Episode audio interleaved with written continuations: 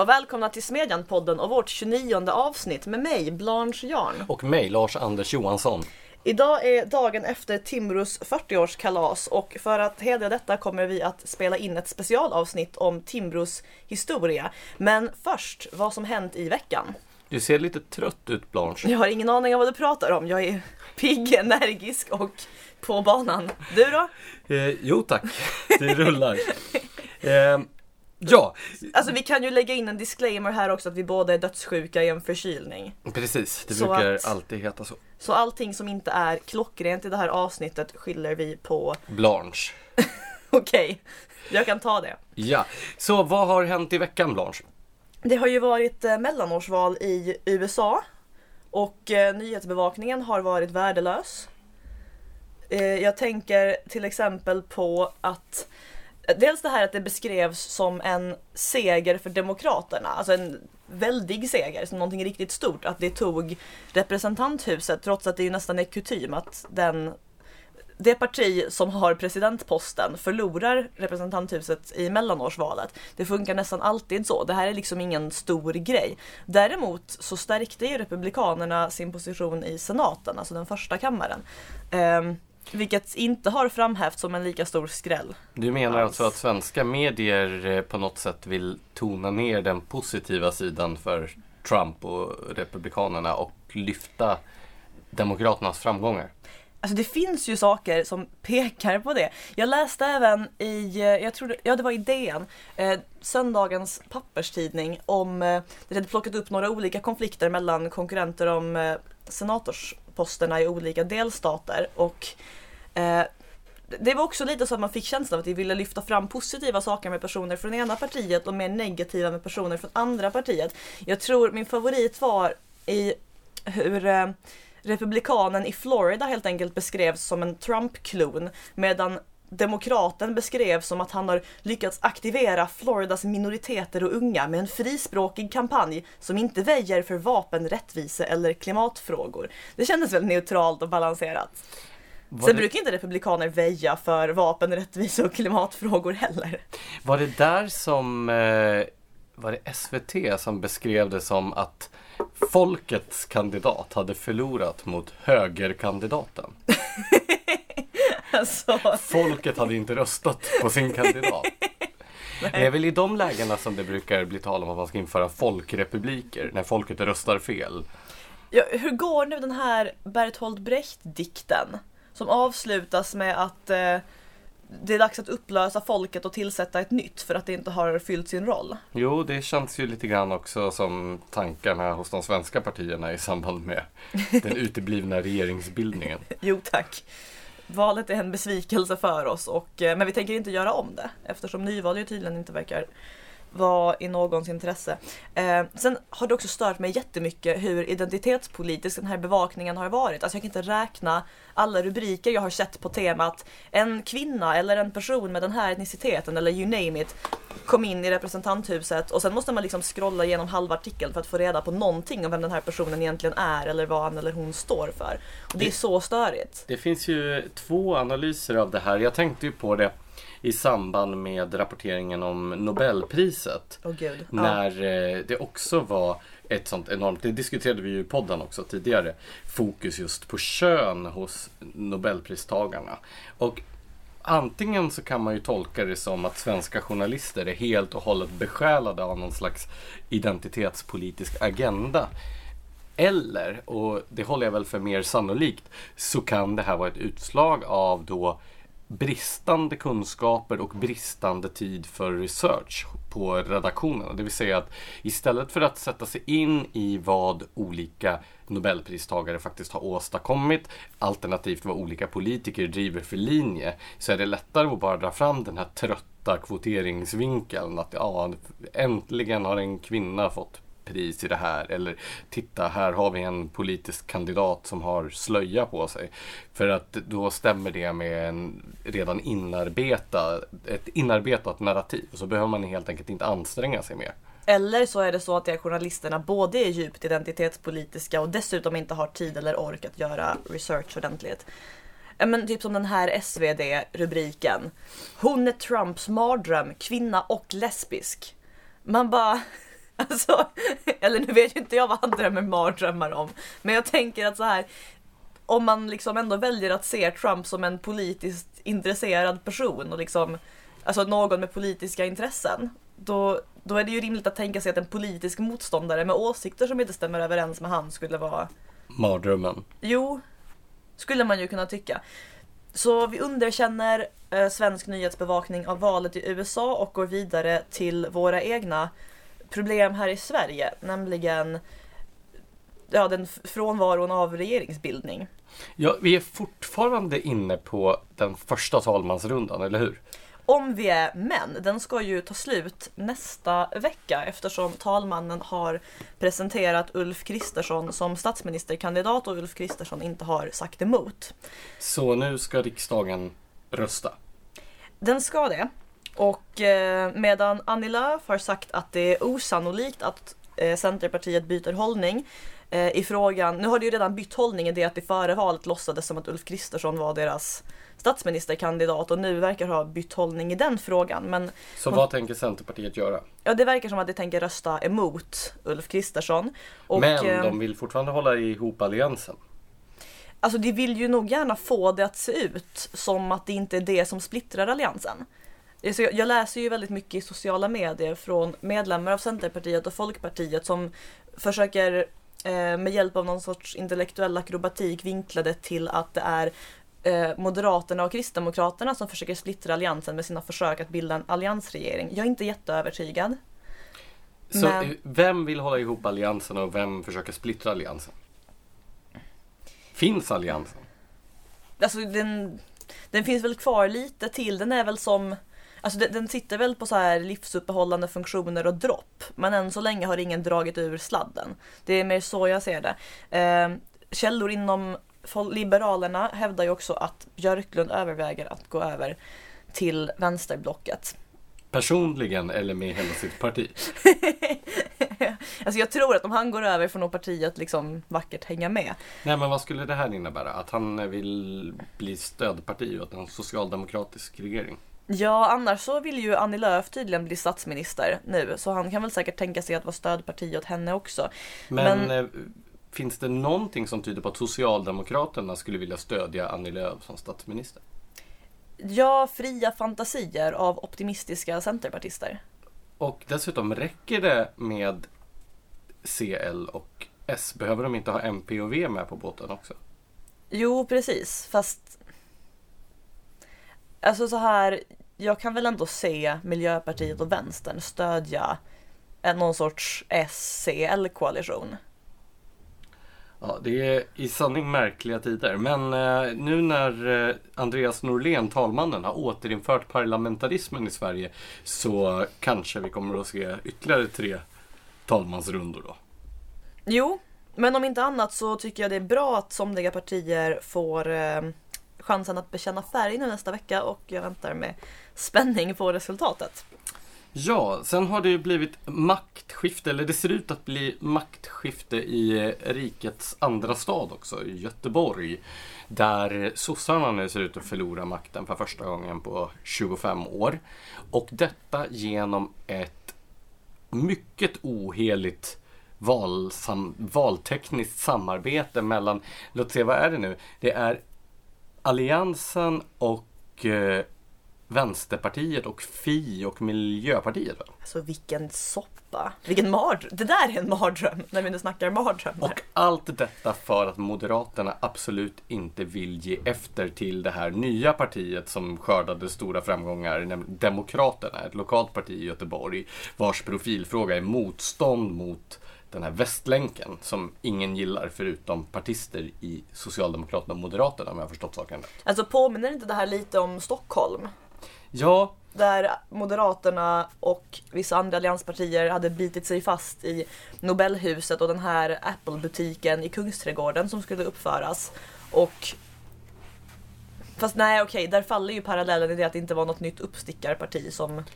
Nej, utan där var det ju helt enkelt att man förhandlade bort sina viktigaste vallöften, det vill säga trafikfrågorna som hela den moderata valkampanjen i Stockholm kretsade kring förhandlade man bort då till då den som man hade målat upp som sin stora fiende, nämligen Miljöpartiets trafikborgarråd Daniel Heldén. Det här har vi också talat om tidigare, men det är ju ändå häpnadsväckande. Särskilt också som då Moderaterna sen omedelbart förhandlade bort Nobelcentret till Miljöpartiet. Men det här motståndet mot Demokraterna i Göteborg, är det som Alltså är det helt enkelt sakpolitiska skillnader som gör att Alliansen har svårt för dem? Eller är det någon sorts har, jag vet inte, har det brutit mot någon, någon åsiktskorridor, någon värdegrund eller? Det, jag är ju inte eller gillar man bara inte uppstickarpartier för att det kommer att rubba den Alltså de har ju ordningen? tagit väljare från både S och M. Om jag har förstått saken rätt, nu är inte jag expert på lokalpolitiken i Göteborg, men om jag har förstått saken rätt så är det frågan om Västlänken som det handlar om detta. Okej, okay. ja, kul för Göteborg. Ja, eh, det, det är ju svårt att se var det här ska landa i rent, rent sakpolitiskt då, förutom Västlänken. Att... Ja, alltså tre partier vänster om sossarna och fyra partier höger om sossarna. Det känns som att det här kommer att landa i ungefär sossepolitik. Ja, de ska ju då styra staden med hjälp av en alliansbudget. Men förmodligen så Vänsterpartiets agenda i detta är nog att de kan köpa lite borgerlig politik om de då får glädjen att utmanövrera S i Göteborg. Jag tror Vänsterpartiets agenda är att de ska plocka Socialdemokraternas väljare ja, nästa val. att de ska bli större än S. Och det är ju inte helt utan komiska poänger, även om kanske det rent politiskt innebär ur askan i elden. Jo tack. Ja, och sen så har ju Sverige haft finfrämmande ja, av den kanadensiske professor, psykologiprofessorn Jordan B. Peterson som Dagens Nyheter beskriver som professorn som älskar att vara hatad. Jag känner ju förstås igen känslan. Men, nej, men det här är väl inte undgått någon som har sociala medier att han har varit här bland annat eftersom utrikesminister Margot Wallström eh, som ju annars aldrig tidigare har satt sin fot i klaveret, bestämde sig för att för att säga någonting i stil med ta kryp tillbaka under den sten du kom ifrån Peterson. Eh, det roliga var att på Svenska Dagbladets hemsida så var det först rubriken Peterson, kolon, radikalfeminismen är en enfaldig bitter ideologi. Och sen Margot Wallströms enfaldiga och bittra uttalande, ta och kryp tillbaka under den sten du kom ifrån. Och det känns som att det fanns en sån ironisk potential här som så, så många missade. Men det är ju det är väldigt häpnadsväckande tänker jag så här att en utrikesminister uttalar sig på det här sättet. Vad, vad, vad, är det, vad är det som provocerar så fruktansvärt mycket med henne? Peterson? Alltså han har ju eh, yttrat eh, kritiska saker om feminism. Och det har då inte Margot Wallströms kompisar i Fatta-rörelsen?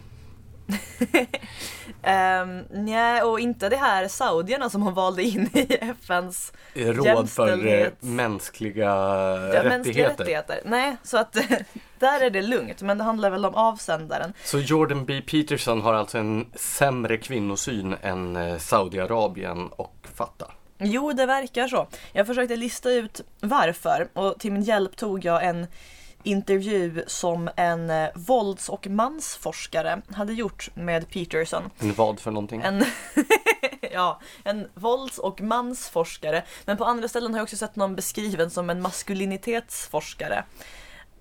Ja, du ser inte jätteövertygad ut. Det är inte jag heller. Eh, den här forskaren menar i alla fall att Peterson egentligen är rimlig på många sätt, men så fort det gäller feministfrågor, det vill säga den här forskarens egna frågor, då skjuter Peterson minsann vilt från höften. Eh, framförallt verkar det vara två resonemang som inte föll i god vålds och mansforskarjord.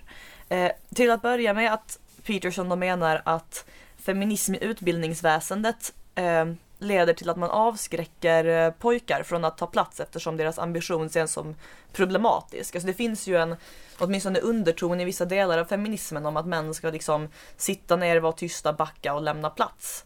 Eh, och det, det kan ju bli problem om det är den saken man signalerar till barn. Eh, och sen så sa han också i den här intervjun att den som eh, blir antastad av Harvey Weinstein Eh, men inte anmäler det bär en skuld för att han sen kan fortsätta antasta andra. Och det här valde forskaren att tolka som att han skuldbelade offren, vilket ju är fel för du kan ju vara helt oskyldig till att du blir antastad men samtidigt kanske ha ett visst moraliskt ansvar för att hindra att andra blir drabbade av detsamma. Men är det de här två grejerna som gör att alla är så rasande på Peterson? För jag känner inte till några av de här exemplen just. Det var det som togs upp i den här intervjun. Jag har ju inte läst hans 12 rules for life eller så. För att jag har ju länge tyckt att den här lite mystiska kulten kring honom varit avskräckande. Men å andra sidan, ju mer jag ser av vilka som är emot honom blir jag ju mer och mer övertygad om att jag nog är med honom.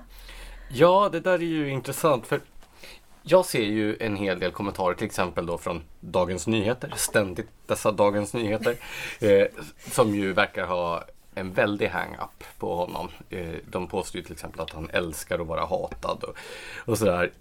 Och eh, det var ju någon ledarartikel för någon vecka sedan där det stod då om den konservativa hypen kring Jordan B. Peterson. Men inte och, han demokrat? Jag, jag har ingen aning om vad han röstar på. Men det som jag däremot kan iaktta i mina sociala medieflöden. Jag har ju då vänner och bekanta och sådana som jag följer av alla möjliga politiska eh, schatteringar. Och jag har ju både konservativa och socialister och liberaler och libertarianer och socialliberaler och annat. Och de enda som överhuvudtaget håller på och skriver saker om Jordan B. Peterson är ju socialliberalerna.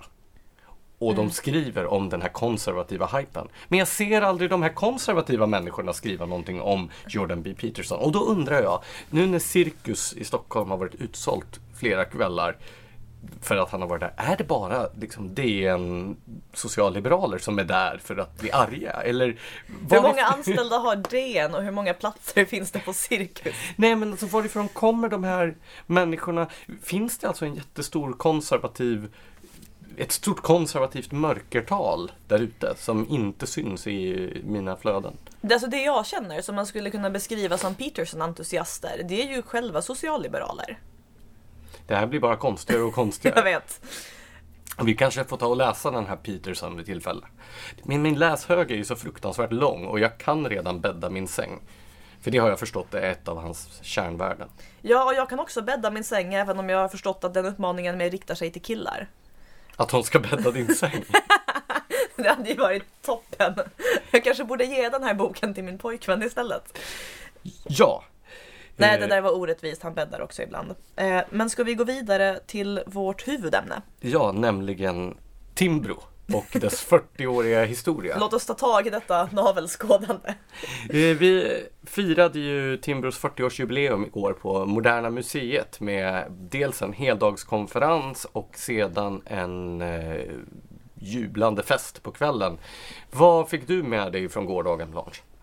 Eh, den hade ju sina sina intressanta och lärorika ögonblick och den hade sina komiska ögonblick.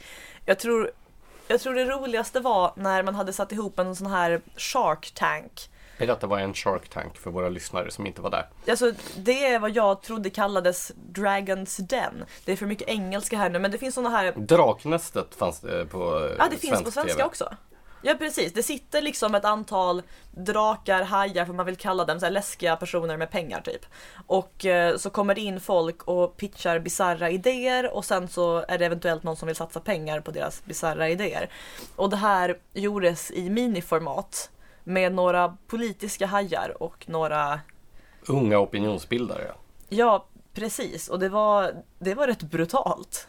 Och Smedjan hade ju faktiskt en, eh, en kandidat där bland, eh, bland de som sökte. Nu vann ju inte hon, men Sofie Lövenmark som skrev granskningen i Smedjan 2017 om då MUCF, Myndigheten för samhällsskydd och beredskap. Hon var där och pitchade. Ungdoms och civilsamhällesfrågor.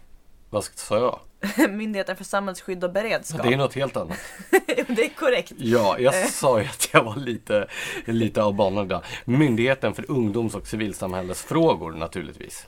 Yes, och dess tendens att ge pengar till eh, föreningar med ändamål som kanske inte bör delas av en demokratisk bidragsspridare. Som SSU. det var inte exakt det som var uppe på agendan den gången men, men jag hör vad du säger. pitchade då ett opinionsbildningsprojekt men hon vann inte den här tävlingen, tyvärr då. Men Men hon var i alla fall där i viss mån i egenskap av representant för, för smedjan. Men eh, ja, återgå till berättelsen. Nej men det, alltså, det var mer mitt svar på frågan vad jag tog med mig därifrån. Det var, det var några roliga Sågningar låter ju fel, men det var ju hårt. Det var en väldigt hård jury. Jo, det var det. Um, men um, alltså, framförallt så var det ju kul vilken spridning av typer det var som dök upp där. Ja, vad tänker du på då? Nej, men det var ju allt från ja, men det vanliga så här, ungdomsförbundarna som oftast dyker upp på våra grejer till personer som man normalt inte brukar se på Timrå. Ja, Ulf Kristersson var ju där också och berättade bland annat om sin tid på Timbro. Och det var ju lite roligt för att han arrangerade då Timbros 20-årsjubileum för 20 år sedan. Som också tydligen, vilket jag inte visste, hölls på Moderna Museet. Vad är det med Timbro Moderna Museet? Alltså det där är ju verkligen inte mitt favoritmuseum. Nej, men nu har ju i alla fall Nationalmuseum öppnat så att man kan gå dit och så att säga tvätta sig på vägen tillbaka om man har varit, om man har varit på någon utställning. på. Vad skönt. Ja. Det borde vi ha tänkt på och uppmanat gästerna till. Men eh, jag kom också att tänka på, apropå 40-årsjubileum, första gången man kom i kontakt med Timbro. När, när hände detta dig? Oj, Jo, men det var väl som för så otroligt många andra genom förlagsverksamheten. Jag tror ju att Timbros utgivning av liberala och marknadsekonomiska klassiker är väl inkörsporten för väldigt många. Det är ju, och var ju också det enda, Timbro och Ratio som var ett, eh, ett parallellt bokförlag under många år, var ju länge de enda som gav ut då liberala klassiker som Adam Smith och så vidare på svenska. Ja, det är rätt otroligt. Men jag känner igen det där för att jag kom inte i kontakt med, med Timbro på samma sätt. Eh, Akademibokhandeln i Lund brukar ju ha ett väldigt bra utbud av Timbroböcker. Man får känslan av att vem som nu äger bokaffären har ett gott öga till oss. Eh, så där har alltid funnits rätt mycket sådana böcker och jag tror faktiskt att den första jag av en slump köpte var eh, Johan Norbergs Inte till världskapitalismens försvar utan hans idéhistoriska bok När människan skapade världen. Som är väldigt bra, den kan jag rekommendera. Men då tänkte jag ju inte på att det var Timbro som givit ut den utan det var sen vid universitetet när ja, men någon hänvisade till hatets och illviljans kolportörer som var det Olof Palme kallade oss. Ja, precis. På Metallindustriarbetarkongressen i Gävle 1981, mitt under löntagarfondstriden. Men Vilken grej vi... att kalla en treåring.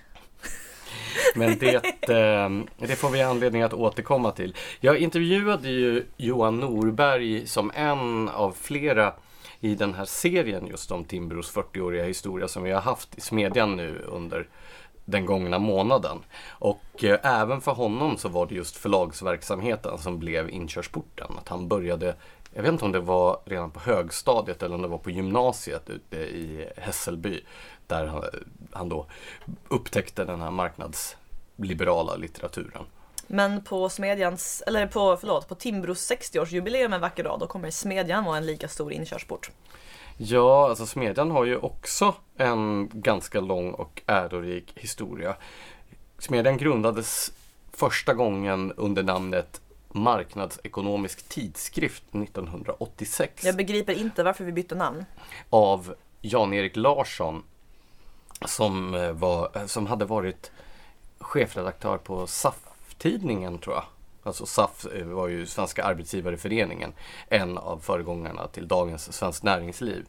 Och Marknadsekonomisk tidskrift bytte sedan namn någon gång under 90-talet till Smedjan när Karl Rudbeck rekryterades till Timbro. Karl Rudbeck som ju var krönikör även i Nya Smedjan fram till förra året. Han, eh, han hade tidigare varit understreckarredaktör på Svenska Dagbladets kulturredaktion och rekryterades specifikt till Timbro för att driva Smedjan och då lyfta Timbros kulturprofil. Kan man använda kult ordet kulturprofil? Det kändes som ett, ett kontaminerat begrepp. Mm, vi har kulturprofiler här på Timbro Nej, det har vi inte. Nej, men det var under eh, Rydbecks tid på Timbro så eh, satsade man ganska starkt på på eh, kulturfrågorna och delade bland annat ut ett kulturpris på ganska mycket pengar till framstående kulturpersonligheter och sådär varje år.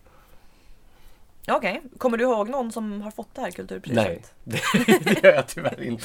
Okej, men eftersom allt som går snett i den här podden kan skyllas på mig så får Ja. jag be lyssnarna om ursäkt för detta. Du skulle ju inte fråga om det. Eh, visst finns det också en gammal bild på just Ulf Kristersson, fast yngre, eh, i en eh, Smedjan t-shirt. Ja, när han är ute och joggar. Det är, hade det inte varit just joggingbiten hade det varit jättebra reklam för oss. Ja, nej men eh, jag tror att han också att han också jobbade med Smedjan under en period. Johan Norberg kom ju in på Timbro först som eh, redaktionssekreterare på Smedjan just. Men han började väl med att skriva en bok Ja, om Vilhelm Moberg? eh, precis. Det var PJ Anders Linder som var eh, VD på, på Timbro vid den tiden och Johan Norberg skrev en kulturartikel i Dagens Nyheter. Varför kommer vi alltid tillbaka till Dagens Nyheter? Dagens Nyheter är navet kring vilket Sverige kretsar. Ja, det verkar ju så onekligen. Nej, men Johan Norberg skrev en kulturartikel om Vilhelm Moberg i Dagens Nyheter som lyfte Vilhelm Mobergs frihetliga sida. Och det här, nu är ju det ett ganska vedertaget faktum. Jens Liljestrand har ju kommit med en, en ny bok om, eh, om Vilhelm Moberg nu till exempel. Och det är liksom det är rätt vedertaget att Vilhelm Moberg i många avseenden var en väldigt liberal och frihetlig person. Men då när Norberg skrev den här artikeln så var det inte lika välkänt utan det var snarare så att Socialdemokraterna framgångsrikt hade lyckats muta in Vilhelm Moberg och då fått honom in i det här facket av arbetarförfattare så att han uppfattades lite slentrianmässigt som en i mängden av sådana. Ja, men han var väl rätt självlärd som författare? Ja, absolut. Och det men brukar han, ju hänga ihop med arbetarförfattarna. Ja, men han var ju inte en generisk sosse om man får säga. Nej, verkligen inte. Och det här ledde då till att eh, PJ hörde av sig till Johan Norberg och bad honom att utveckla detta, vilket sedermera blev den här boken som Johan Norberg skrev och som gavs ut på Timbro förlag och sen ledde det till att han anställdes som redaktionssekreterare på Smedjan. En ärorik början för karriären. And the rest is history. Apropå historia, ska inte vi vara lite kronologiska här? Ja, precis. Eh, jag har ju fördelen av att ha skrivit en bok som i stor utsträckning handlar om Timbros och näringslivets opinionsbildningshistoria. Den heter Hatets och illviljans kolportörer med den smidiga undertiteln Mediebilden av näringslivets opinionsbildning 1970 till 2012. Där satt den! Kom Yes. du på det här själv? Oh ja, Det är därför Smedjan alltid har så bra rubriker. Precis. Vi har Lars-Anders Johansson. Exakt. Men eh, där eh, den börjar ju då, den tar avstamp 1970 men jag tror att för att man ska förstå detta med näringslivets opinionsbildningshistoria så bör man börja tidigare. En sak som man kanske sällan tänker på det, men det är ju att nästan hela hela eh, tidningssverige uppstod ju som ett utslag av just näringslivets opinionsbildning. Det fanns nämligen olika företagsledare runt om i Sverige som ville få spridning för sina åsikter. Framförallt då ganska liberala sådana under 1800-talet. Och det bästa sättet att göra detta var ju att starta en tidning. Men för att få folk att läsa tidningen så var man ju tvungen att ha någonting annat än bara sina egna åsikter. Och så anställdes journalister som skrev nyhetsmaterial och sportreferat och så vidare. Och det här, när jag har jobbat på ledarredaktioner så brukar jag alltid reta nyhetsjournalisterna med just detta att tidningarnas syfte har ju oftast varit just att få spridning på ledarmaterialet. Att allt annat i tidningen är till för att locka läsare till ledarsidan. Så egentligen är nyhets, nyhetsartiklarna är för ledarsidan vad reklamen är för nyhetsartiklarna. Nej det blir, fan, det blir Nej, det blir tvärtom, eller tvärtom. hur? Okej, då stryker vi den liknelsen för det var inte alls längre lika fördelaktigt för oss. Så det var inget. Ja, men Smedjan-podden är ju reklamfri. Ja, det är sant. Ja, nej men det var helt enkelt så att det var personer som hade pengar, företagsledare och andra, som använde dessa för att få spridning för sitt budskap och därför startade tidningar och för att få folk att läsa tidningarna så eh, utvecklade man eh, den övriga journalistiken. Ofta var det ju ägaren till tidningen som skrev ledaren på den tiden, det vill säga den som hade grundat tidningen fick ut sitt budskap på det sättet. Ja, och länge var det väl den, alltså om det var en moderat tidning så var det den lokala moderaten på orten som skrev ledarna. Ja, på den här tiden fanns det ju inte politiska partier. På, det är, Ja, nej, jag talar om senare. tidigt 1800-tal. Eh, det mest kända exemplet är ju då eh, Aftonbladet som under grundaren Lars Johan Hierta var en väldigt liberal kraft. Och det känns ju svårt att tänka sig idag, men Aftonbladet har ju gjort en resa från då en eh, liberal fyrbåk under 1800-talet till en ganska sunkig och tyskvänlig eh, reaktionär hållning. På Under, den tiden då det inte var bra att vara tyskvänlig. Ja, där det var, ja, Ja. ja. Till då att LO köpte in sig och driver, ja vad man skulle kunna säga en ganska sunkig Sunkig. LO-orienterad linje. Så eh, Lars Johan Hierta Vrider sig i sin grav. Ja, så är det antagligen. Men om man ska börja någonstans om näringslivets opinionsbildningshistoria så lär det väl vara där någonstans med den fria pressens etablerande och de olika eh, entreprenörerna som startade tidningar. Mm. Eh, att, att sen det utvecklades till någon slags eh, Ja, att det har blivit kommersiella medieföretag är ju av betydligt senare, eh, senare dato. Men sen då skulle jag väl säga att eh, det var i samband med andra världskriget som eh, nästa viktiga fas i den här opinionsbildningen kommer. Eh, vi hade ju arbetsfred i, eh, eh, i Sverige sedan Saltsjöbadsavtalet 1938 när eh, SAF och LO ingick den här överenskommelsen om att det var parterna på arbetsmarknaden som skulle, eh, skulle göra upp om villkoren så att det inte skulle bli politisk inblandning i detta. Men under andra världskriget så infördes en massa regleringar av ekonomin som, eh, på grund av krigstillståndet. Och när kriget var över så ville Socialdemokraterna gärna behålla alla de här regleringarna. Jo. Och eh, de borgerliga partierna var då som nu inte så benägna att göra motstånd mot detta. Så näringslivet kände ett behov av att steppa upp sitt game. Och eh, då grundades den här näringslivets fond som skulle ah, bedriva opinionsbildning för ett fritt näringsliv. Det där låter verkligen precis som någonting som Olof Palme skulle kalla hatets och illviljans kolportörer. Och näringslivets fond ägnade sig åt en massa olika saker. Då under 40-talet gavs till exempel eh, Friedrich Hayeks Frihetens grundvalar ut som är en liberal pamflett mot Nej, inte, inte frihetens grundvalar. Jag menar eh, vägen till träldom. Och då var den inte jättegammal Nej, heller. nej, den var ju, den hade bara några år, något år på nacken. Den gavs ut väldigt snabbt där. Så den här österrikisk ekonomiska skolan, den, eh, den introducerades i Sverige redan under den här tiden. Så där börjar detta. Eh, Per Albin Hansson då som var Socialdemokraternas partiledare och statsminister. Han avfärdade den här opinionsbildningen från näringslivet med då det raljanta begreppet planhushållningsmotståndet. Men det begreppet blev då någonting som högern själva eh, själva anammade också. Men hur kan man inte vara emot planhushållning? Det har väl ändå alltid varit en ganska, alltså lite av en ytterkants åsikt, alltså även inom socialdemokratin. Men sen så blev det väl någon slags status quo där under efterkrigstiden då. En del av de här efterkrigs, eller av krigstidsregleringarna eh, genom, eller avskaffades då och eh, arbetsfreden fortsatte, välståndet ökade och så skedde den här smygande expansionen av offentlig sektor under eh, eh Tage Erlanders långa regeringstid. Eh, höjda skatter, fler regleringar och så vidare. Men det var fortfarande eh, ganska lugnt politiskt. Tills då under andra halvan av 60-talet när vänstervågen sveper över hela västvärlden och kanske då särskilt över Sverige. Och då, det påverkade ju även borgerligheten. Inte minst då eh, Folkpartiet och Centern drogs ju väldigt långt vänsterut. Många beskriver det som att Centerpartiet låg ju till vänster om Socialdemokraterna i många avseenden under den här tiden. Ja, vad var det Folkpartiets ungdomsförbund hette?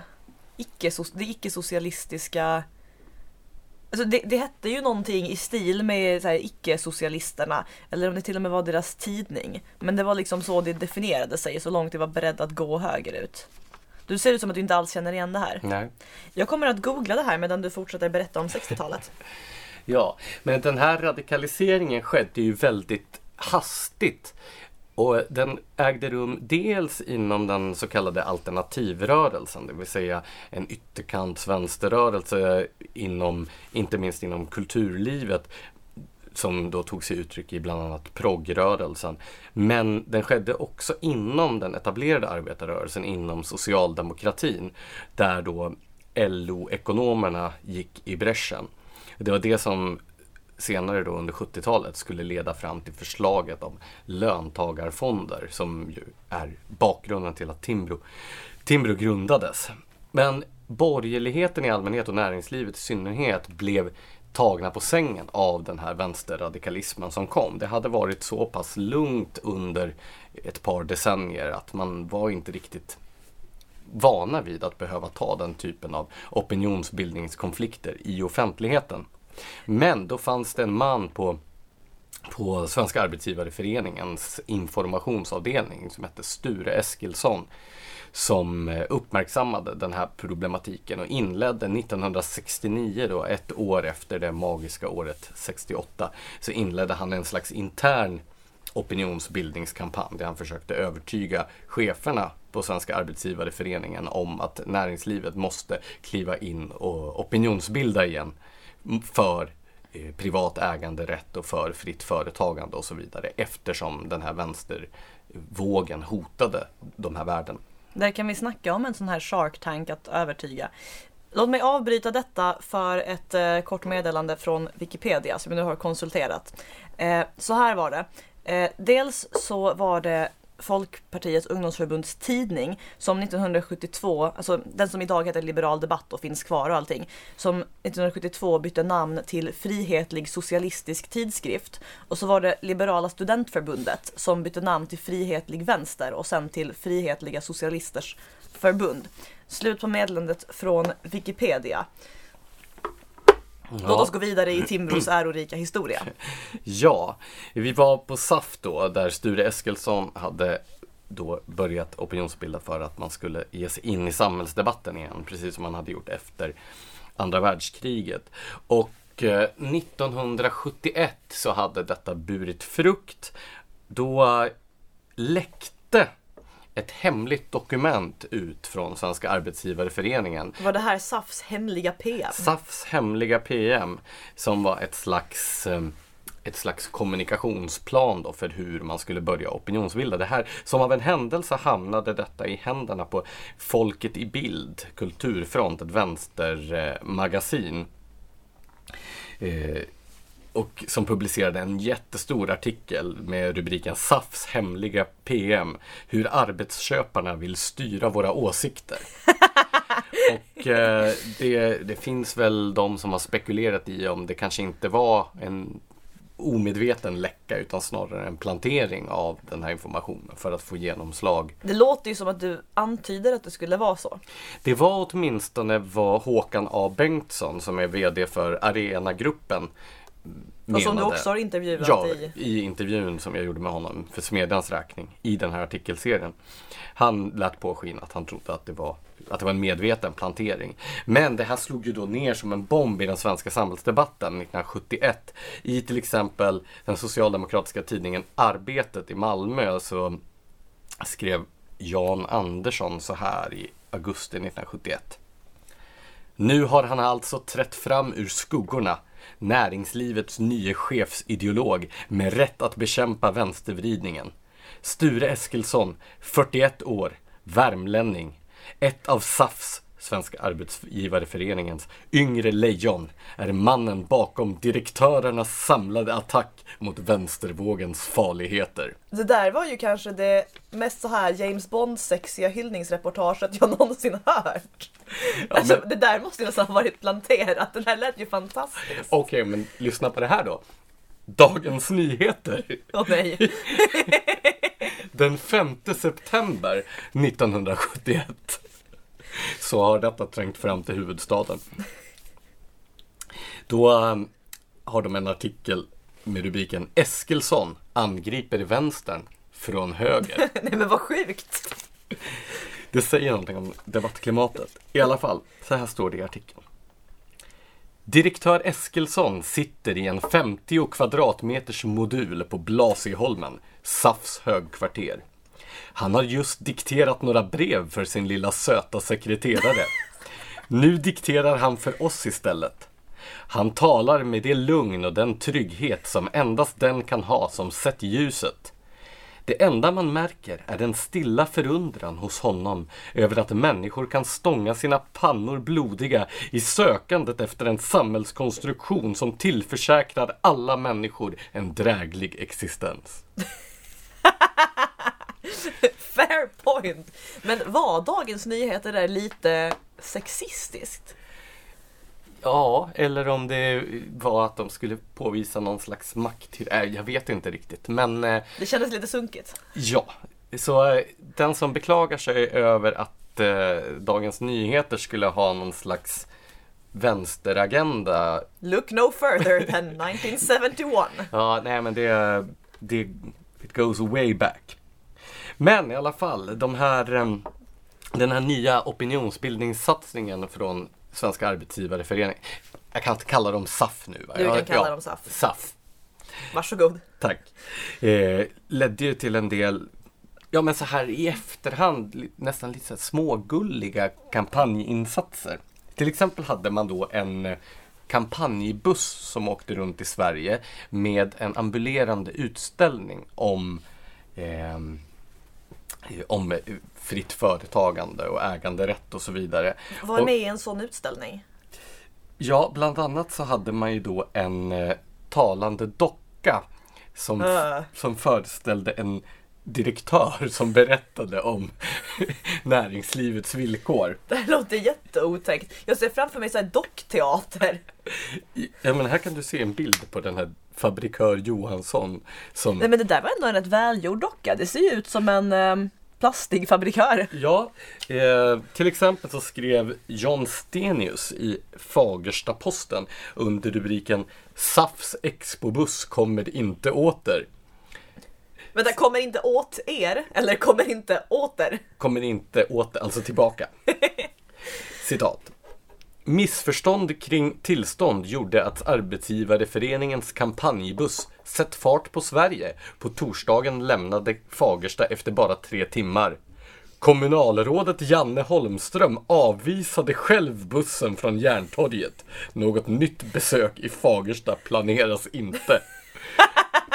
Så Där står tog den starke mannen ställning. Japp, sossekommunalrådet går ut och... eh, Avvisar personliga näringslivet. Ja, och eh, i eh, Borlänge så mötte SSU upp och var utklädda till kapitalister i frack och cylinderhatt som stod gråtande utanför den här bussen då för att illustrera hur ledsna SAF var över att det var så hemskt att vara kapitalist i Sverige. Ja, Åh.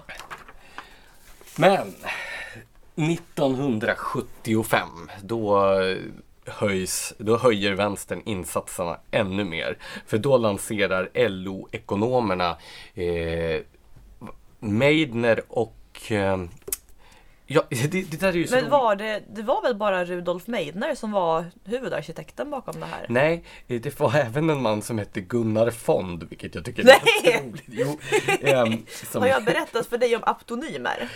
Det här med folk som heter saker de jobbar med. Som eh, Nordeas chefsekonom Annika Winst. Det här är ju anti-aptonymen. Det här är anti-aptonymernas anti-aptonym. Jag vet inte om Blanche någonsin har sett så här entusiastisk ut när vi har spelat in ett poddavsnitt. Det är Hur- kul med aptonymer. Hur som helst. Eh, de hade då tänkt ut en genialisk idé om hur det svenska näringslivet skulle kunna tas över av arbetarna. Eller ja, av arbetarnas representanter i form av Så av LO. Ja, av LO. Ja. Ja. LO hade en plan för hur de skulle kunna ta över. Det var nämligen så att man, ehm, man föreslog en speciell typ av skatt på företagande. Där intäkterna då som staten som, ja, som kom från den här skatten skulle gå in i speciella fonder, löntagarfonder, som skulle kontrolleras av fackförbunden. Du menar folket? LO. Och eh, fackförbunden skulle då använda de här pengarna till att köpa upp aktieandelar i företagen. Det vill säga de som hade betalat in pengarna till de här fonderna. Så det här stackars människorna skulle betala för att någon annan skulle ta över deras företag? Exakt. Det här är så lågt.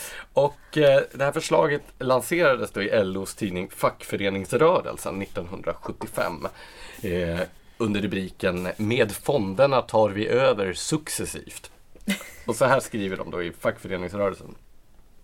Vi vill beröva kapitalägarna deras makt som de utövar just i kraft av sitt ägande. All erfarenhet visar att det inte räcker med inflytande och kontroll. Ägandet spelar en avgörande roll. Jag vill hänvisa till Marx och Wigforss. Vi kan i grunden inte förändra samhället utan att också ändra på ägandet. Det lät trevligt. Det här var ju inte så populärt då inom SAF eller inom näringslivet i största allmänhet. Däremot så var motståndet till en början inom de borgerliga partierna eh, ganska ljummet. Så, Men vadå, man måste ju ha sett det här som någon sorts skämt först, tänker jag nej, det var ju, alltså det låg ju i tidsandan. Som sagt, det pågick ju sedan tio år tillbaka vid det här laget en ganska stark vänstervridning av hela samhällsdebatten. Någon beskrev ju till exempel etablerandet av TV2 eh, 1969 som att ett första maj-tåg från Gärdet hade gått vilse in på TV-huset. Så att det, det var liksom, och eh, ibland får man ju intrycket nästan av att det blev kvar där eh, än idag. Men eh, då började SAF framförallt, men också Sveriges Industriförbund att organisera olika former av opinionsbildningskampanjer mot detta. Men eh, inte bara då Socialdemokraterna utan även dess förlängda arm i form av hela den offentliga sektorn mobiliserade ju emot detta. Så till exempel stoppade SL i Stockholm SAFs annonser i tunnelbanan mot eh, mot löntagarfonderna. Eh, och eh, då och eh, den socialdemokratiska pressen hånade ju naturligtvis de här opinionsbildningsinsatserna också. Ett exempel från 1982, mitt under den brinnande löntagarfondsstriden, från Norrländska Socialdemokraten. Då skriver Sören Häggroth så här. Skrämsel, hot, hugg och slag är det enda som återstår av SAFs och borgarnas argument mot löntagarfonder. Det är med skrämseln hängande över sig som de svenska väljarna ska tåga till valurnorna den 19 september. Men den taktiken kommer att misslyckas därför att den underkänner väljarnas egen omdömesförmåga om vad som är riktigt för framtiden. Notera kontrasten här mot hur LO själva formulerade planen med löntagarfonder i sin Det lät egen... inte alls hotfullt. Nej. Men vi rör oss raskt framåt då. Det där var 1982. Då stod löntagarfondskampen verkligen på sin eh, på, eh, på sin höjdpunkt eftersom det var valet då där det stod ja, där Socialdemokraterna gick till val på just löntagarfondsfrågan. Men eh, borgarna förlorade ju det valet, vilket man kan tycka är ganska häpnadsväckande. En, en analys det är att väljarna hade ganska svårt att begripa det ganska komplicerade förslaget om löntagarfonder som hade lagts fram. Samtidigt då som borgerligheten då gick till val på införande av en karensdag, vilket inte föll i god jord. Så att trots att Socialdemokraterna gick till val på att socialisera det svenska näringslivet så vann de valet. Däremot skulle man kunna säga att det var en pyrrusseger för de förlorade ju sedermera både löntagarfondsstriden och vad ska man säga, initiativet i samhällsdebatten. Året efter organiserade näringslivsorganisationerna en jättestor demonstration, 4 oktober-demonstrationen mot införandet av löntagarfonder som eh, blev den största demonstrationen hittills i Sveriges historia. Det är rätt imponerande. Vad är det mellan 50 och 100 000 personer som Ja, det brukar vara, det finns lite olika uppgifter om det där men eh, det, jag har läst väl mellan 70 och 100 000 ska vara det som har varit. Och sen försöker man framea det här som kanelbullens dag istället. Men när ni äter kanelbullar så är det i själva verket 4 oktober högern ni firar. Precis, men den här demonstrationen som blev så stor gjorde att det blev ganska svårt för vänstersidan att hävda att motståndet mot löntagarfonder bara var någonting som fanns hos rika direktörer. Det här var ju det var ju småföretagare och vanligt folk, anställda från hela landet som kom och demonstrerade mot det här förslaget. Och eh, det var någonstans i samband med de här åren som också vänstervridningen så att säga ebbade ut. Luften gick ur den radikala alternativrörelsen och eh, så inträdde eh, ja, det som brukar kallas för högervridningen eller yuppievågen på 80-talet. Det här skedde ju inte minst inom socialdemokratin självt som då, vi konstaterade just att de 1982 gick till val på eh, löntagarfondsförslaget. 1985 Tre år senare så gick de till val med en yuppie som sitter i en öppen sportbil med en hund och texten Jag röstar på Socialdemokraterna för jag vill ha ordning på Sveriges ekonomi. Det här har vi väl lyft i vårt valavsnitt som en av våra favoriter bland valaffischer i historien. Ja, ja men det är så skamlöst. Och eh, bara något år, alltså bara eh, runt där 1985 så liberaliserar ju Socialdemokraterna då under Olof Palme de svenska finansmarknaderna. Så att man, inom loppet av några få år så svänger man i hela sin ekonomiska politik och går högerut. Och jag och många med mig är ju övertygad om att om inte Palme hade blivit mördad 1986 så hade han fortsatt högerut. Och jag tror också att det hade gått betydligt fortare innan Sverige hade fått en eh, borgerlig regering. Men Palmemordet blev ju en sån chock för, he, inte bara för socialdemokratin utan för hela Sverige. Så att den politiska utvecklingen stannade upp där. Fast vänta nu, ifall du tror att han hade rört sig högerut, då hade det väl snarare dröjt längre innan de borgerliga fått makten?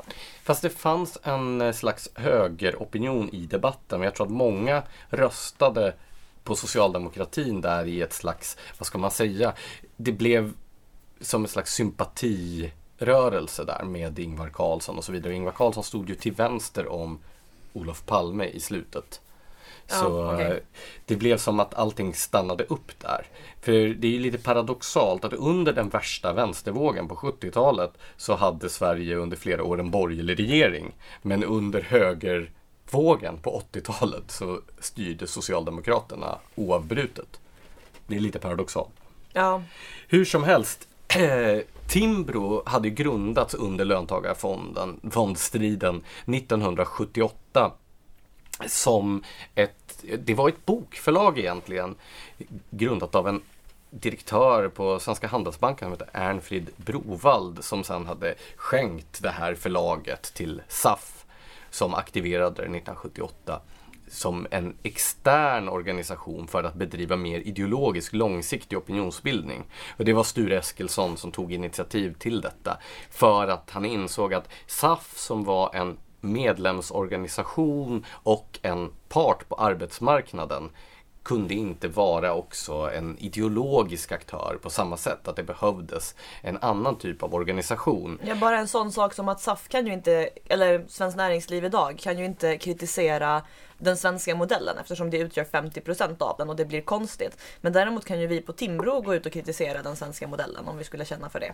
Vilket ja, precis. Och inspirationen fanns utomlands i USA och i Storbritannien så fanns det då sedan längre tillbaka olika former av eh, think tanks. Eh, Institute of Economic Affairs i England. i England är ju en av inspirationskällorna då som Sture Eskilsson hade. Och, eh, Heritage Foundation Precis kanske? vad jag tänkte på. det är för att jag sitter och läser dina tankar. ja, det är fantastiskt obehagligt att du gör det. eh, så det är ju bakgrunden då till att Timbro grundades. Det, man måste också förstå hur otroligt korporativistiskt Sverige var vid den här tiden. Så myndigheternas styrelser tillsattes ju av representanter för arbetsmarknadens parter. Det vill säga, det satt representanter från SAF och LO i myndigheternas styrelser. Det där låter jättekonstigt och men, var, alltså, varför den insyltningen? Vad tänkte man sig få ut av det egentligen? Nej men man hade ju en idé om att olika typer av intresseorganisationer och så skulle vara representerade överallt. Det var ju den korporativistiska modellen och det var SAF som bröt med det. Jag kommer inte ihåg vilket år det var men Arbetsgivareföreningen lämnade ensidigt alla poster i myndigheternas styrelser. Och då blev det ju till slut omöjligt att ha bara LO-representanterna där. Så då drev man fram på så sätt att eh, ett nytt sätt att tillsätta att tillsätta eh, styrelserepresentanter för myndigheter. Men det var ju i den där typen av samhällssystem som, som Timbro först såg dagens ljus. Och som eh, P.J. Anders Linder formulerade det i intervjun jag gjorde med honom eh, så var ju Timbro från början en motståndsrörelse. De här marknadsliberala idéerna som idag inte kanske är så kontroversiella de var ju otroligt aparta i det Sverige som fanns i slutet på 70-talet. Okej, jag har nu insett hur länge vi har talat och att vi enbart har kommit ungefär 12 år in på Timbros 40-åriga historia. Vi behöver steppa upp vårt game. Ska vi kliva in i 90-talet? Ja, eh, löntagarfondsstriden eh, vanns ju till slut. Den första åtgärd som regeringen Bildt genomförde Eh, 91. Stilenligt den 4 oktober 91 var att avskaffa löntagarfonderna som den föregående regeringen hade infört.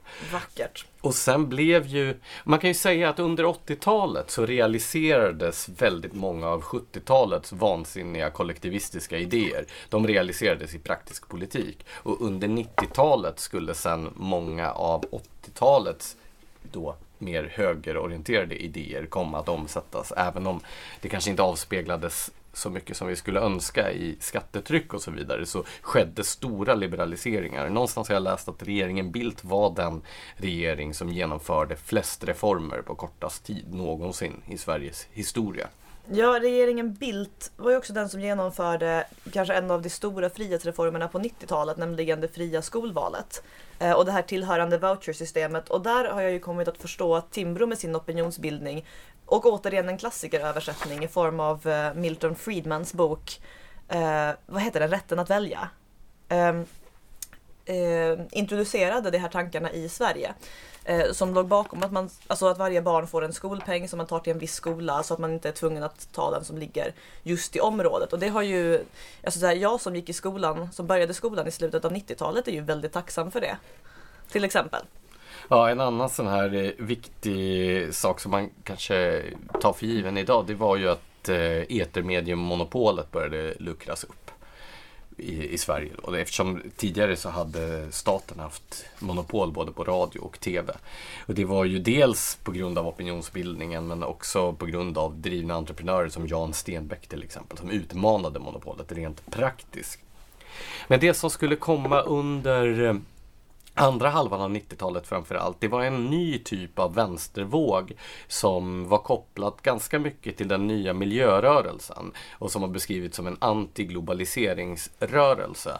Där man då menade att frihandel och eh, globalisering var hot mot eh, mot välstånd och mot miljön överhuvudtaget. Ett slags, man hade ju insett att precis som 70-talets vänster var besvikna på Eh, experimenten i Sovjetunionen och bakom järnridån så var väl och, och, och, sökte sin inspiration i Kina och i sydamerikanska och afrikanska socialistiska rörelser. Så var väl 90-talets vänster ganska besviken på utvecklingen i Kina och i Afrika och Sydamerika vilket gjorde att man istället försökte hitta nya problemformuleringar och då blev det den här antiglobaliseringsrörelsen. Det fanns en rörelse, en fransk antiglobaliseringsrörelse som hette Attack som i Sverige leddes av America Vera Savala som numera är, eh, är känd som dramatiker och eh, opinionsbildare. Och den här rörelsen var väldigt Eh, inflytelserik då under slutet av 90-talet. Och då blev det eh, under chefer som Mats Johansson och PJ Anders Linder och Odd Eiken och eh, Mattias Bengtsson så blev det den här eh, antiglobaliseringsvänstern som man tog sig an. Och det var ju då också som Johan Norberg slog igenom stort som debattör. Ja, framförallt skrev han ju den här boken till världskapitalismens försvar som jag nämnde i början, som ju väl måste vara den mest sålda boken på Timbro förlag genom tiderna kan jag tänka mig. Möjligen kanske i konkurrens med någon översättning av Ayn Rand. Ja, alltså det finns ju några fantastiska exempel på hur, eh, hur tongångarna gick. Eh, till exempel i Internationalen så eh, beskrivs Timbros verksamhet på det här sättet.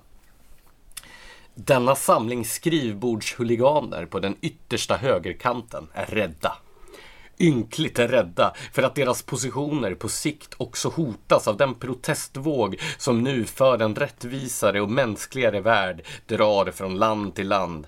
De älskar inte sin nästa, bara sig själva och det marknadsekonomiska vansinne som har gett dem allt och andra inget. De är ingenting värda, ingenting, än ett bottenlöst förakt. Här bör vi kanske också tillägga att Internationalen här inte åsyftar arbetarrörelsens sång, som ju är mycket mer frihetlig än detta omdöme om Timbro, utan så Internationalen tidskriften. Ja, precis, tidskriften Internationalen. Ja. Så den här antiglobaliseringsdebatten blev ju eh, gjorde att Timbro fick ett väldigt stort genomslag i offentligheten och man kan säga att kulmen för den, om, lönt om löntagarfondsdemonstrationen 1982 blev slutet på den vänstervågen så blev väl Göteborgskravallerna 2001 slutet på 90-talets vänstervåg. När en samling maskerade våldsverkare från den yttersta vänstern eh, slog sönder hela Avenyn i Göteborg. Och det här gjorde ju att allmänheten tappade allt förtroende för Det är ju inte så här... man blir populär bland medelsvensson. Nej, och den här organisationen Attack smälte ju bort helt och hållet. Så men det händer ju andra saker också. Johan Norberg berättade ju igår på eh, jubileumsfesten om svartklubben Trittnaha som som de hade på, i Vasastan. Som var ett, eh, vad ska man säga, ett konkret sätt att utmana de här reglerna för öppettider som fanns i Stockholm. Det här var ju då inte Timbro utan Frihetsfronten där Johan Norberg också var aktiv kan vi ju nämna här. Ja, precis.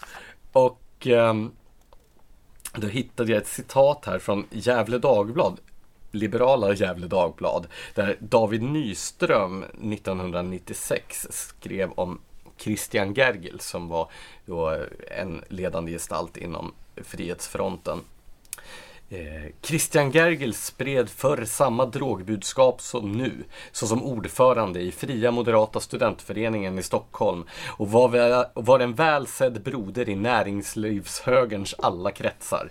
Hans bildande av Frihetsfronten 1990 skedde med stort intresse och förtjusning är mitt intryck från dessa till det stora partaj som fronten då avhöll på sin illegala spritklubb till ära för dess nyskrivna politiska manifest, vilket författades av Christian Gergils och Docklands aktuelle Anders Varveus, kom de flesta av toppdirektörerna inom näringslivshögern.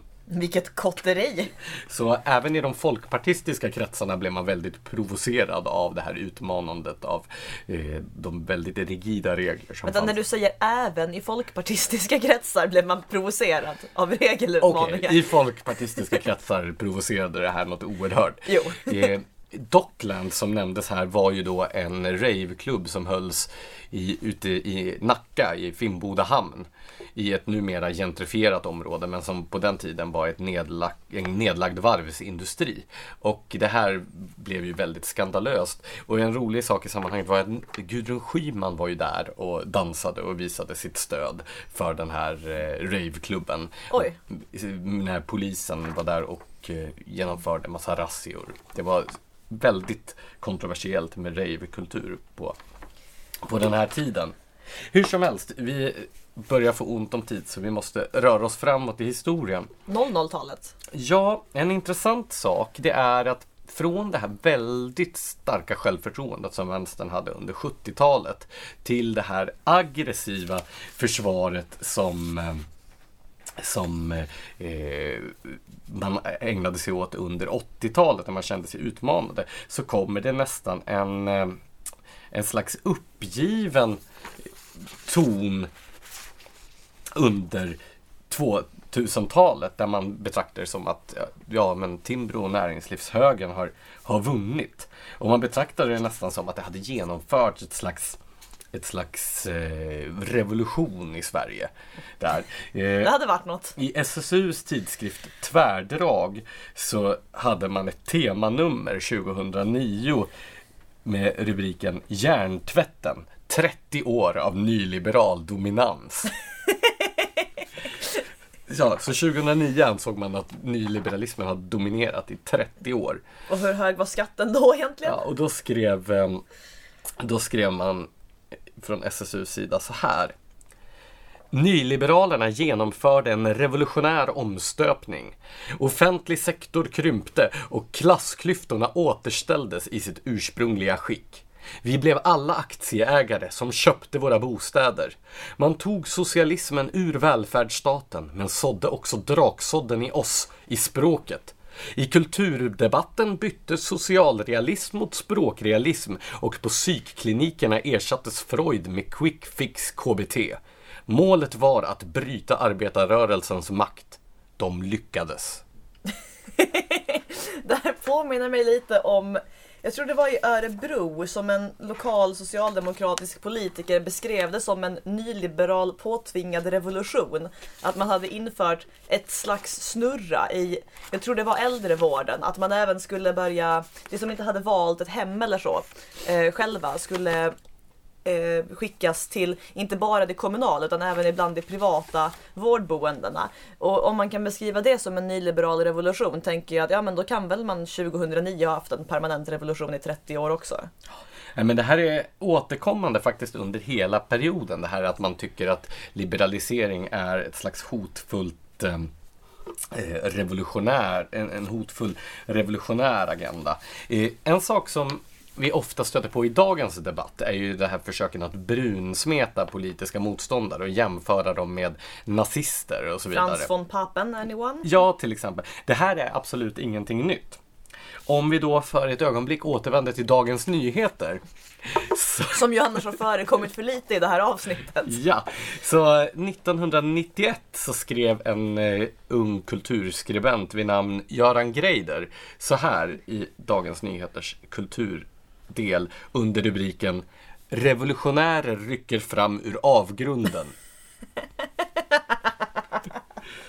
ja. Håll dig i skinnet nu Blanche. Alltid. Ja.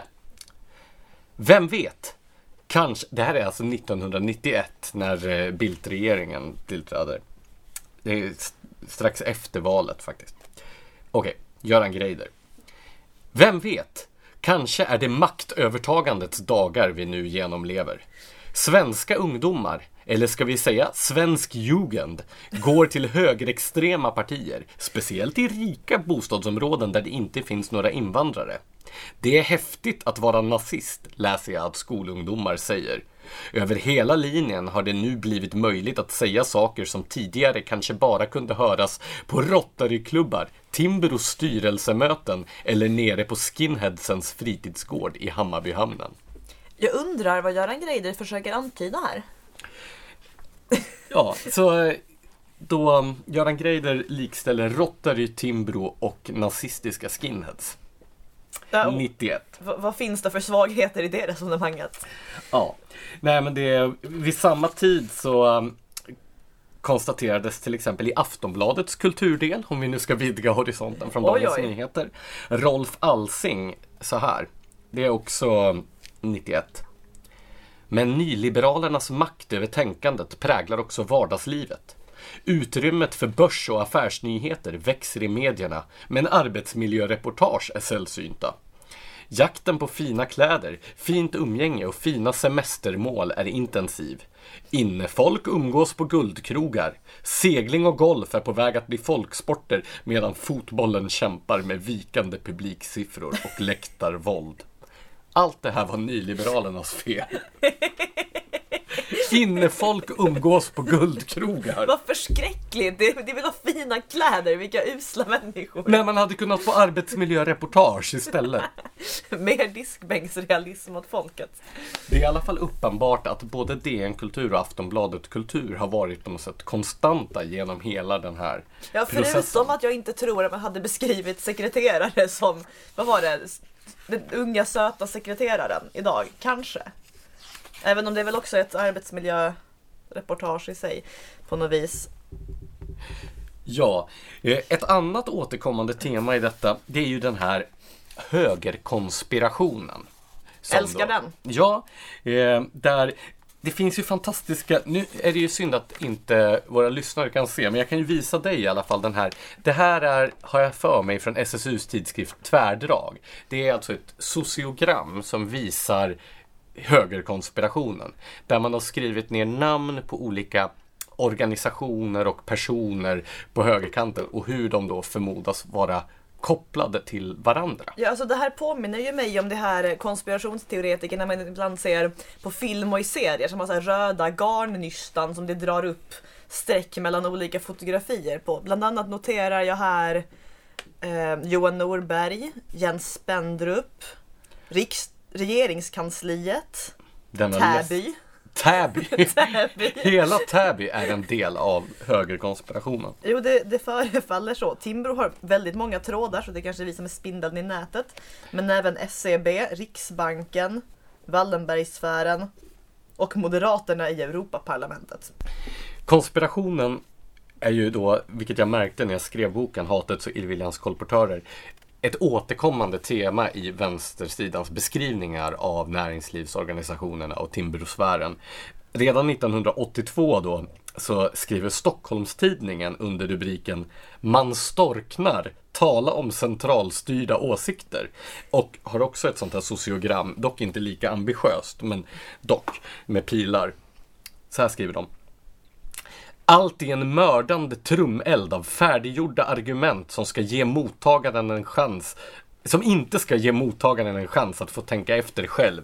Det är så att man storknar och inser att ska det bli något av den mångfald och den fria debatt som enligt näringslivet är en förutsättning för all demokrati, då måste den här fruktansvärda anhopningen av makt i det ekonomiska fåtalets händer brytas. För att tala om centralstyrning av åsikter, tala om maktapparat, tala om pampvälde. Jo, jo, något sånt finns inte till vänster. Eller samma år i syndikalistiska tidningen Arbetaren under rubriken SAFs megafoner, Sveriges största PR-maskin. Timbro har olidligt mycket pengar. Det ger dem en större möjlighet att göra skillnad. När du har mer pengar har du mer folk och när du har mer folk kan du skriva fler rapporter och anordna fler seminarier. Dessutom har de varit med väldigt länge. Fy. Det här var alltså 1981. Då hade Timbro funnits i tre år. Men vi var ju redan hatets och illviljans kolportörer. Ja, Så eh, något, något mer citat du vill dra från eh, Dagens Nyheter kanske, Aftonbladet? ja det finns några. Hälsingekuriren kanske. 1991. Gerillarörelse på högerkanten. Alltså vi, vi har så många bra taglines här. Ja, jag tänkte ju säga det. Smedjan, gerillarörelse på högerkanten. Det låter jättebra. Och här då i Hälsingekuriren skriver Thomas Törnqvist 1991. SAF vill med hjälp av den nya högeralliansen och en borgerlig regering utsätta Sverige för ett stort nyliberalt experiment där den offentliga sektorn ska föras till slaktbänken, skriver LO och citerar eh, SAF-ordföranden Ulf Laurins ord om hur den offentliga sektorn ska avlivas. Köttyxa låter lite obehagligt, men slaktmask är en hänsynsfull metod. Men det som är intressant ändå, det är detta att det här återkommer flera av dem som jag har intervjuat om Timbros historia nu under hösten här. Eh, de återkommer till detta att vänstersidan har ju aldrig förstått vad som är själva nyckeln till Timbros framgångar. Det är inte en stor mängd pengar. Visst, Timbro är en välförsörjd tankesmedja. Men den är ju ganska liten liten om man jämför med andra stora organisationer. Alltså om man jämför med Svenskt Näringsliv eller med LO eller med andra opinionsbildande aktörer i offentligheten så är Timbro väldigt litet. Det är ju just att det inte är centralstyrt som är nyckeln till att Timbro har kunnat genom trial and error göra en skillnad i samhällsdebatten.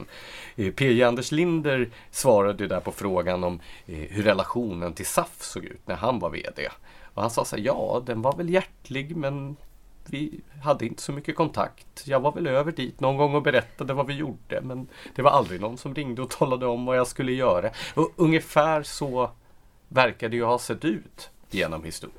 Ja men det här hänger ju ihop med att varje gång du eller jag skriver någonting tillräckligt provocerande eh, så är det alltid någon som återger det här och skriver som bäst nu tycker Timbro, men oftast nu tycker högern eller näringslivet. Som att var och en på Timbro talar för näringslivet och har fått någon sorts direktiv ovanifrån om vad vi får säga.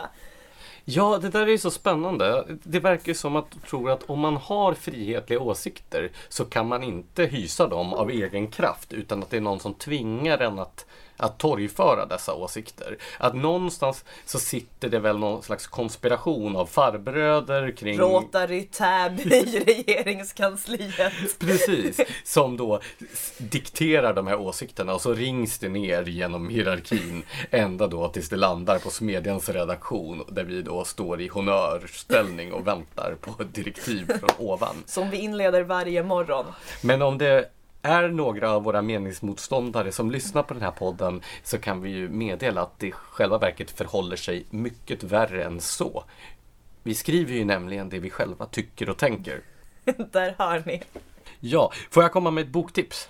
Du får komma med ett boktips om det är så att någon har tyckt att hela den här historien är eh, väldigt fascinerande och intressant och redan har läst min bok Hatets och illviljans kolportörer. Vilket jag, förstås alla våra läsare eller lyssnare har gjort. Eller kommer att göra eftersom den har nämnts typ 20 gånger i det här poddavsnittet. Så skulle jag vilja rekommendera Sture Eskilssons egen självbiografi som heter Från folkhem till nytt klassamhälle. Ett högerspöke berättar. Den är eh, mycket intressant och välskriven för den som vill ha då en inblick i hur hela den här historien kring SAFs opinionsbildning och Timbro, Ratio och alla de här organisationerna såg ut från insidan. Så det är ett boktips. Ja, och eh, om, eh, om man kommer att ha läst din bok för att vi nämnt den 20 gånger så kommer ju folk kunna DN utan till vid det här laget med tanke på vad det här avsnittet har landat i ständigt och jämt. Så för att undvika att ge dem ännu fler Eh, läsare ska vi helt enkelt ta och önska våra lyssnare en trevlig helg.